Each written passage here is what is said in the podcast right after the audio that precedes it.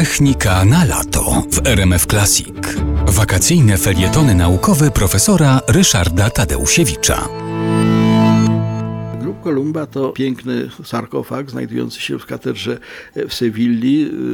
Andaluzja to w ogóle piękne miejsce, które warto odwiedzić, a odwiedzenie grobu Kolumba to jeden z powodów, żeby właśnie tam się wybrać. Ale okazuje się, że po pierwsze jest wątpliwe, czy naprawdę w tym grobowcu spoczywa Kolumb, dlatego że drugi grób jest w Santo Domingo na Haiti i tam ci Haitańczycy twierdzą, że to u nich jest ten prawdziwy grób Kolumba. Jak, jak wyglądała prawda trudno dociec, ale może warto dowiedzieć się, jak to było. Mianowicie Kolumb umarł w 1506 roku, ale e, został pochowany właśnie w Sewilli, ale jego wola, jego testament, jego ostatnie życzenie było takie, że chciał być e, no, pochowany na tej ziemi, którą odkrył, e, ponieważ bardzo kochał Haiti, nazywał ją zresztą Hispaniolą.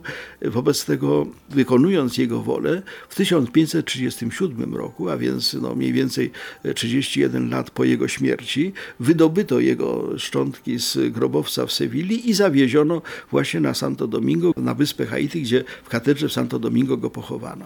Natomiast y, twierdzi się, ale tutaj właśnie historia niestety bardzo y, no, jest wątpliwa, y, że potem w jakiś przedziwny sposób te szczątki Kolumba powróciły do Sewilli, no i są w tej chwili w Sewilli.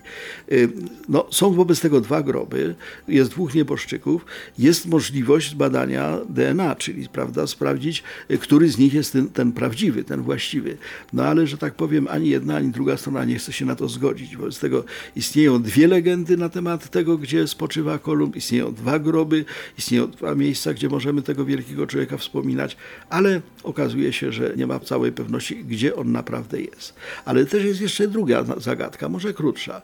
Mianowicie yy, nie wiadomo właściwie, jakie jest pochodzenie Kolumba. Jedni twierdzili, że był Genueńczykiem, zresztą jest to najczęściej przytaczana taka wersja, był synem takiego genueńskiego krawca. Inni z kolei wymyślali rozmaite teorie, ale wszystkie, że tak powiem, dziwne teorie na temat pochodzenia Kolumba przebił Portugalczyk Manuel da Silva Rosa, tak się nazywał, który zaczął twierdzić, że jest to syn Polaka, Polaka Władysława Warneńczyka. Ułożył całą historię o tym, że Władysław Warneńczyk, przegrawszy tą ogromną bitwę pod Warną i właściwie no, przeżywszy to, że rozgromiono jego armię, no, postanowił nie wracać do Polski. Tułał się po Europie, wreszcie osiadł na Maderze, pojął tam za żonę e, jakąś Portugalkę, no i właśnie jego synem miał być e, Krzysztof Kolumb, ten słynny odkrywca. Manuel de Silva Rosa no, zaczął tak bardzo się upierać przy swojej teorii, że zażądał tego, żeby wydobyto zwłoki e, Władysława Jagieły, naszego zwycięzcy spod Grunwaldu i zbadano jego DNA.